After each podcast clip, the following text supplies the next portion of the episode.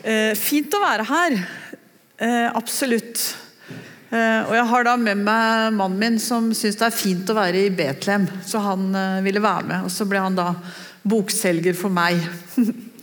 og Vi har sammen da begått en bok som heter 'Senk skuldrene og tjen Gud'. Det er en boktittel vi er veldig fornøyd med. Eh, og Det er det som er temaet mitt, det er det jeg er spurt om å tale om i dag. og Noen av dere blir kanskje forvirra da, fordi dere har forberedt dere på helt andre tekster. hva vet jeg. Men det er i hvert fall det jeg skal, skal si noe om. Senk skuldrene og tjen Gud. Fordi vi altså tror og tenker at det må jo være mulig, da. Å ikke ha så innmari høye skuldre og ikke ha så innmari høyt tempo. Eh, og samtidig tjene Gud. Det skal jeg prøve å si noe om denne formiddagen. Jeg er et av de menneskene som veldig lett lar meg engasjere. Eh, og Som nyfrelst 15-åring, jeg kommer fra en ikke-kristen bakgrunn og ble kristen som 15-åring, så var jeg supermotivert for å, for å tjene Gud. Eh, veldig, veldig fort. Og det gikk, jo, det gikk jo som det måtte gå, holdt jeg på å si. Eh, det gikk ikke så veldig lang tid før min identitet var knytta til det jeg gjorde. Og det tok tid for meg å forstå at Gud tydeligvis er mye mer opptatt av hvem jeg er, enn hva jeg gjør. Eh, og Det er en sannhet som jeg fremdeles må minne meg sjøl på. og Det har nok noe med hvordan jeg er skrudd sammen å gjøre. Jeg pleier å si det at jeg hadde kommet til å blitt engasjert i et eller annet, eh, hva det nå enn var. sånn, politisk eller eh, Ja. Men det var Jesus som fikk hjertet mitt, og det er jeg veldig veldig takknemlig for. Men hva sier Gud da om, eller hva sier Bibelen om dette her med å tjene og være og gjøre og alle de, de tinga der? Ehm, det er tydeligvis noe som ligger Jesus på hjertet. Og, og flere steder i, i Guds ord så finner vi liksom hvis vi ser det nøye etter, hvilket jeg da ikke gjorde som veldig ung, så finner vi at det er jo det, det å være det handler om. Um, og Jeg skal lese, eller referere et vers fra Johannes 17. Men det er viktig for meg å, å, si, og det tror jeg noen ganger når vi leser Bibelen, så må vi se hvor er det dette verset er plassert. Eh, og Johannes 17 det er jo et, et, spennende kapittel, fordi det kommer etter kapittel 13, 14, 15 og 16. og I de kapitlene hos Johannes så holder, så holder Jesus en veldig lang tale. Eh, og, den, eh, og, så er han da i gang med å be i kapittel 17. Og dette skjer jo rett før han krysser bekken Kedron og går inn i Getsemane. Og hva skal jeg si, eh, Gardinene trekkes ordentlig til, stede, til side for at vi skal liksom komme inn i det store påskedramaet. Eh, og Jeg, jeg syns den sammenhengen er, er, viktig. Og så vet jeg ikke hvordan det er med dere, men Noen ganger syns jeg det er kjedelig å være på sånne bønnemøter hvor noen liksom forklarer Gud hva som skjer mens de ber. Um, for jeg tenker, dette vet jo Gud. Kan vi være litt mer effektive her?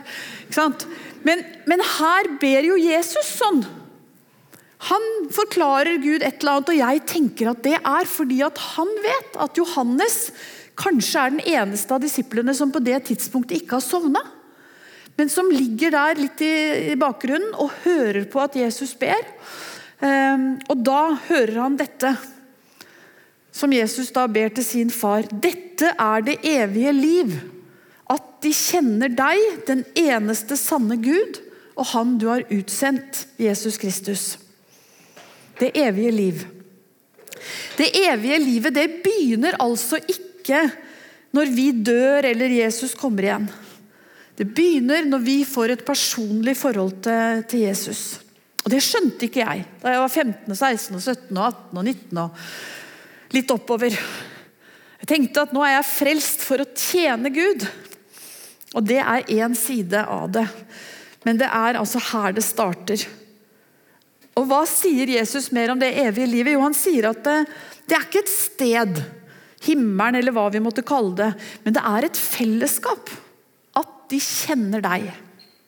Og Jeg kan ikke veldig veldig mye gresk, men jeg har lært meg at det ordet for å kjenne som står i den teksten, det brukes som det mest intime forholdet mellom to mennesker. Slik en mann kjenner en kvinne. Så det er snakk om det nære, nakne fellesskapet med Gud. Det personlige fellesskapet. Det er det som er det evige liv, som begynner her, og som en gang blir fullkomment når vi skal se den oppstandende ansikt til ansikt. Så Det å være kristen det handler altså dypest sett verken om å mene bestemte ting eller være medlem i en menighet eller å gjøre en masse ting, men det handler om å ha livsfellesskap med Gud.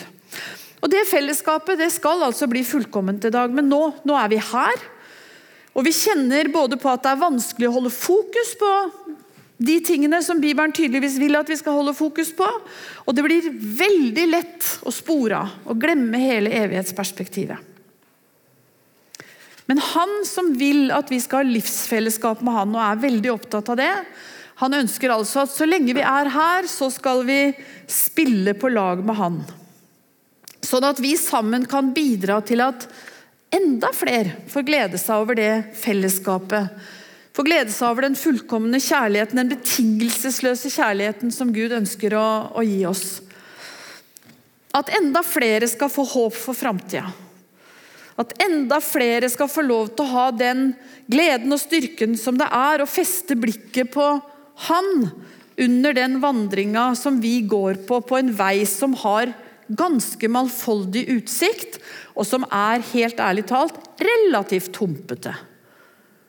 Det er jo ikke en sånn, det er, jo, Livene er jo ikke, våre er jo ikke smidige og enkle. Men i dette skal vi få leve. Og jeg holdt på å si så langt, so good. Men så har vi nok kjent på ganske mange av oss. Jeg har kjent på det snakka med mange som har kjent på det.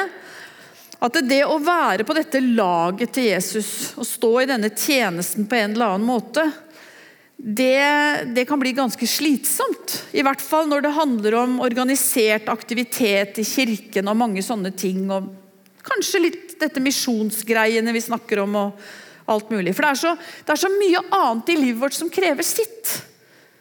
Det er jobben, det er barna som skal følges opp, barnebarna som skal følges opp. Det er ekteskapet som skal fungere. Det er foreldre som blir eldre. Det er helsa som krever sitt. Det er naboen som trenger hjelp med snømåking. Det er fotballaget til guttungen som trenger en trener til. Det er så mye som fyller livene våre. Og så skal vi prøve å sjonglere alt dette. Og alle sammen så har vi, uansett livssituasjon og hvor vi er, så har vi vårt. Og da hjelper det neppe når jeg skal stå her og legge til at dette må spille på lag med Gud. Det handler ikke utelukkende om den organiserte aktiviteten i kirken. Det handler eh, om nettopp hvem vi er i familien. Overfor barn og ektefelle. Overfor kollegaene på jobben og for den naboen som ikke er i stand til å få måka snøen sin sjøl. Å være kristen er faktisk å være misjonær der vi er. Halleluja og pu, sier jeg. Og Av den grunn så har altså mannen min og jeg etter hvert brukt ganske mye tid på å spørre oss sjøl og finne ut hvordan, kan, hvordan skal vi forholde oss til alt dette uten å få stive og høye skuldre, eller sagt på en annen måte hvordan skal vi klare å ta vare på oss sjøl uten å leve bare for oss sjøl? Det er for meg det store spørsmålet i vår tid. Hvordan skal jeg klare å ta vare på meg sjøl uten å leve bare for meg sjøl? For vi lever i ei tid hvor du får mye applaus hvis du sier at du må ta vare på deg sjøl. Ja. Du får ganske mye applaus innimellom, hvert hvis du lever bare for andre òg, men det er liksom denne kombinasjonen for hva betyr det å ta vare på seg sjøl? Jeg fikk en bibelsk hilsen av en av mine ungdomsklubbsgutter for mange år siden. Og Den har faktisk blitt ganske retningsgivende for, for livet mitt. Han var 15 år, kom syklende inn i gården der hvor jeg, hans ungdomsklubbsleder, satt med kaffekoppen på, i, i handa på ei steintrapp og pusta. Og Det var juni måned, 'Jeg tror jeg har fått et ord fra Gud til deg', sa 15-åringen. Fantastisk. Denne uferdige ungdommen som var i ferd med å bygge inn en veldig verdifull vane i sitt liv. Han satte av tid til stillhet, og så bare var han sammen med Gud og lytta om Gud hadde noe å si. Og så hadde han fått et, en bibelsk hilsen til meg, og så satte han seg på sykkelen og så kom han og delte, og delte den. Og for øvrig, Det han gjorde da med å sette av denne tiden til stillhet og være der og høre er det noe Gud har å si, det er jo en viktig del. Og det er kanskje der det starter, med det å ta vare på oss sjøl. For da lever vi liksom i nærheten av det med å få lov til å være og ikke gjøre. Jeg tror at det ordet var fra Gud, for det har liksom sittet som spikra hos meg alle år seinere. Men jeg må innrømme at den gangen når han ga meg henvisningen, så måtte jeg rusle opp trappa og finne bibelen min, for jeg var ikke så bibelsprengt. Og Det står i Forkynneren 2, 24-25. Ingenting er bedre for et menneske enn å spise og drikke og unne seg gode dager midt i alt sitt strev. Men jeg fikk se at også dette kommer fra Guds hånd. For hvem kan spise og være glad uten at det er gitt av ham? Og alle sånne favorittvers som jeg har mange av, om Guds nåde og alt mulig, så står det her som en veldig viktig del av det å kunne ta vare på seg sjøl. Ingenting er bedre for et menneske enn å spise og drikke og unne seg gode dager midt i alt sitt strev. Å ta vare på seg sjøl handler altså ikke om å omfavne den egotrippen som det er lett å få støtte til i dagens samfunn. Men jeg tror det handler om å prøve å finne en, en rytme på livet som gir rom for hvile og avkobling, arbeid og fritidsengasjement, tid med Gud og tid med mennesker Kort sagt for det som forkynneren kaller de gode, de gode dagene midt i alt sitt strev. Denne rytmen. Ja, men hvordan får vi til det? ja, jeg tror det handler om å ha et bevisst forhold til tidsbudsjettet vårt og, og prioriteringene våre. Med, med, med strek under bevisst. Det er et av mine favorittord. Bevisst. Jeg syns det er så trist når folk begynner å snakke om livets travelhet, og det er egentlig, vi er litt stolte at vi er travle. Det har liksom blitt en statusgreie at, at, vi det, at, vi har det, travelt. Det må, vi, det må, vi, passe oss litt for, tenker jeg. Det er liksom noe med, noe med det. Men så sier folk innimellom så sier de, ja, det ene drar jo det andre med seg. Ja, jeg har sagt det sjøl. Det ene drar det andre med seg. Det er egentlig litt trist. Hvis vi bare lar det ene dra det andre med seg.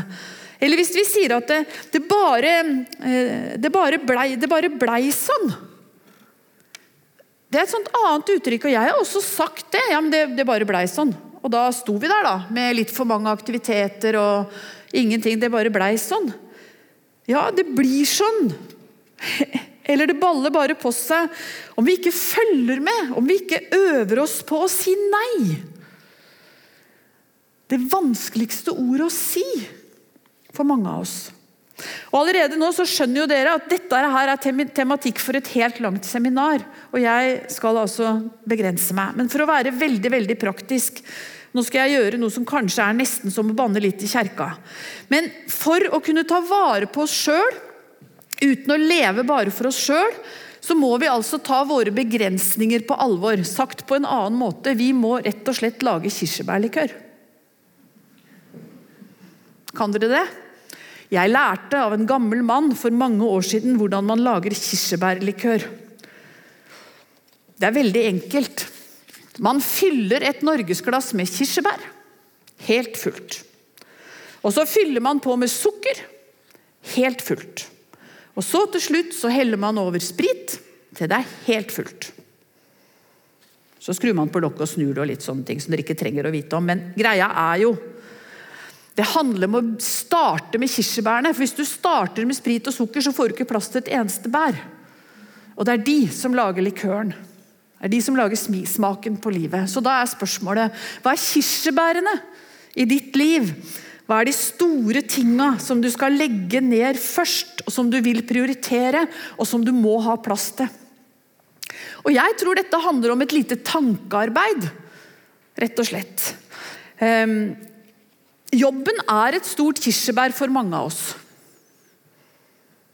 Kanskje er du pensjonist og har skaffa deg en annen aktivitet som har blitt et stort kirsebær for deg. hva vet jeg. Men har du barn, så er det noen kirsebær der fordi ungene har noen aktiviteter. Og skal jeg si noe som er ja, det kan du si, men det, jeg mener at foreldre bør kanskje noen ganger ikke si ja til alle aktiviteter unger har lyst til, for de har så lyst til så innmari mye, men å begrense de litt grann, til noen færre kirsebær.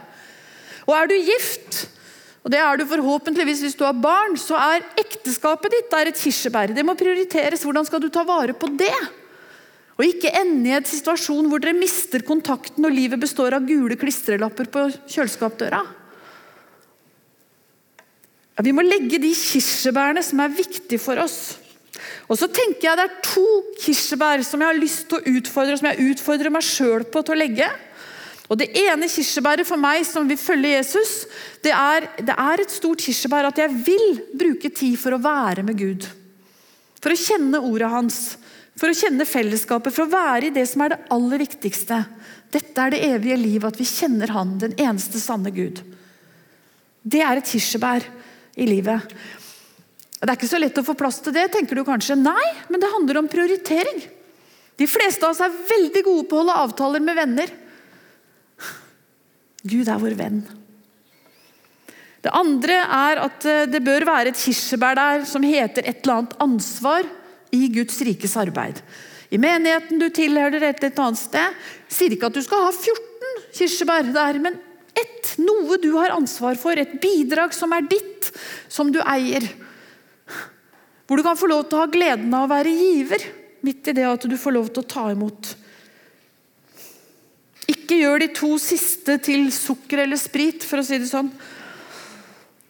Det er ikke det som skal renne innimellom og finne sin plass mellom de viktigste prioriteringene. For å bidra til å lage smaken. Nei, det er et kirsebær. Eller det er to kirsebær.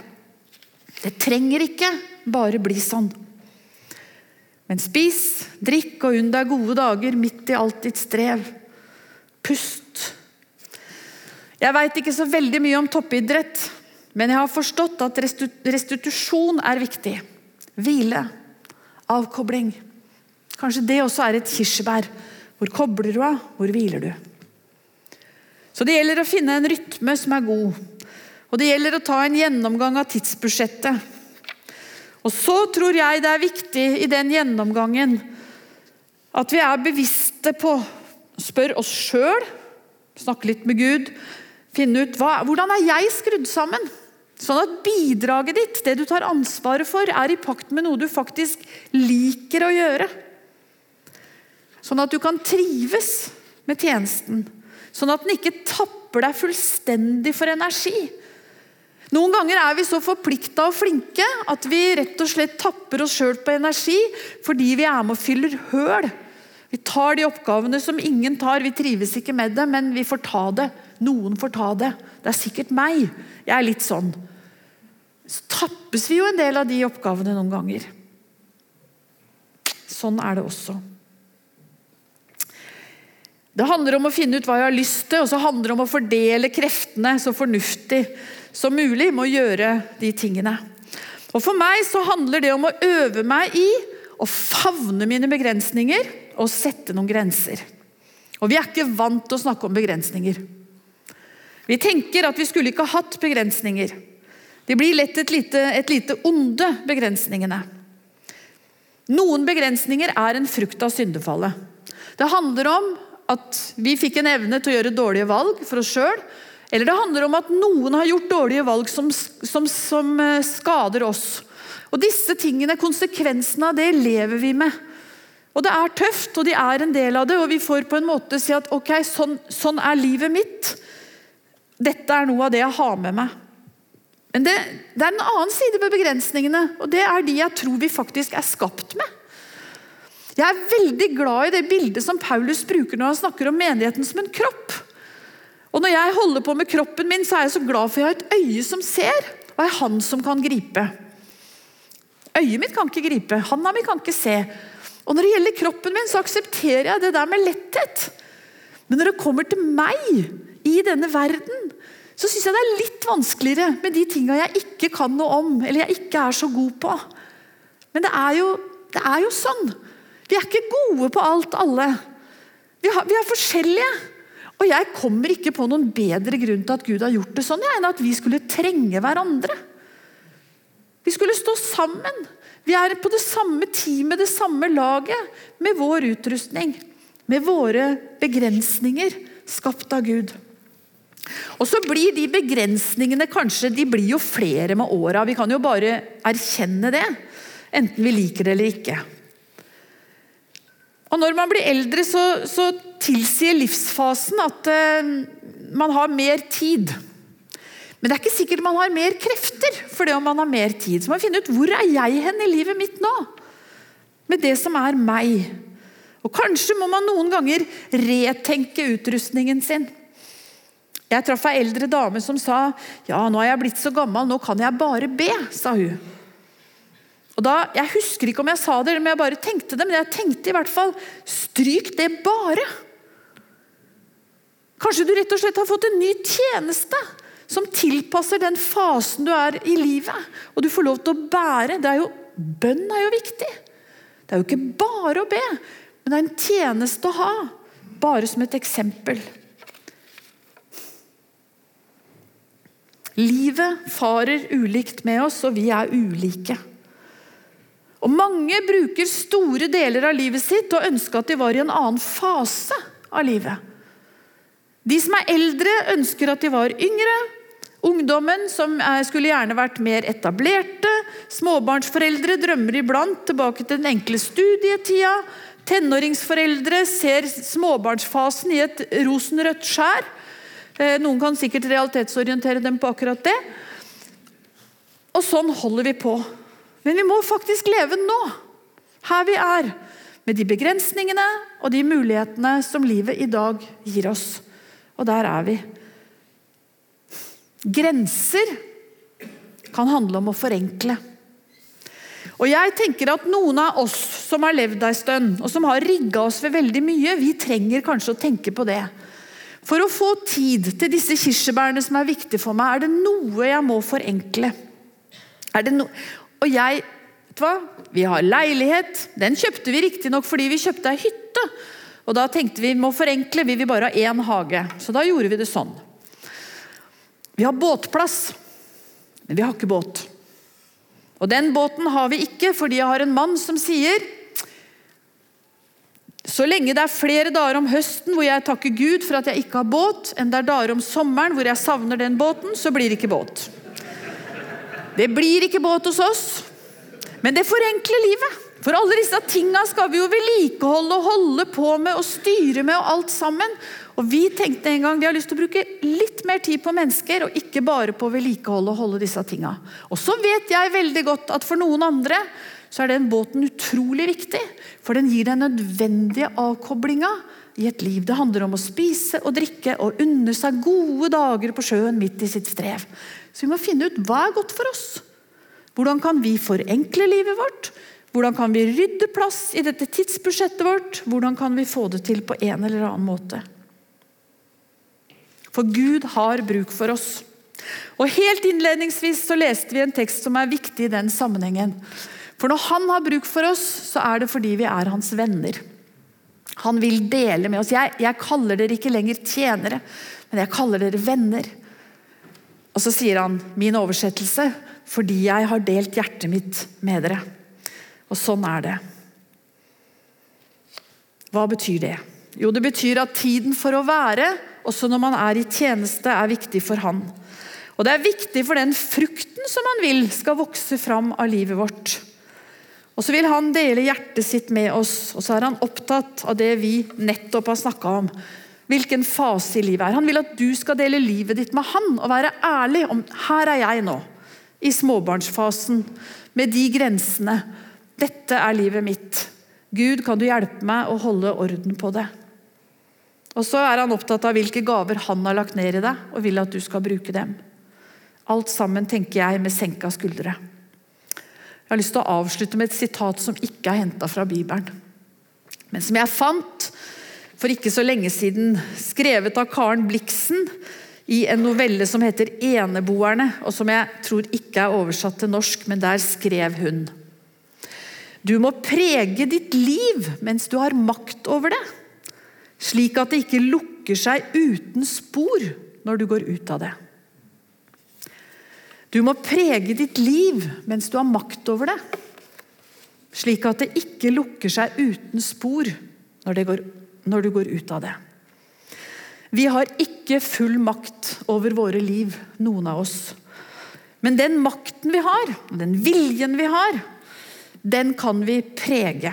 Sånn at vi setter noen forsiktige spor etter oss før vi skal fortsette det evige livet i fullkommen kjennskap og enhet med Han som elsker oss betingelsesløs. Som gjør det nå, og som skal fortsette med det inn i evigheten. Og På veien dit så trenger vi nåde fra Gud og niste på veien. Og Derfor er jeg så glad for at vi nå etterpå skal, skal feire nattvær sammen og få ta imot nåden og kraften for dette livet.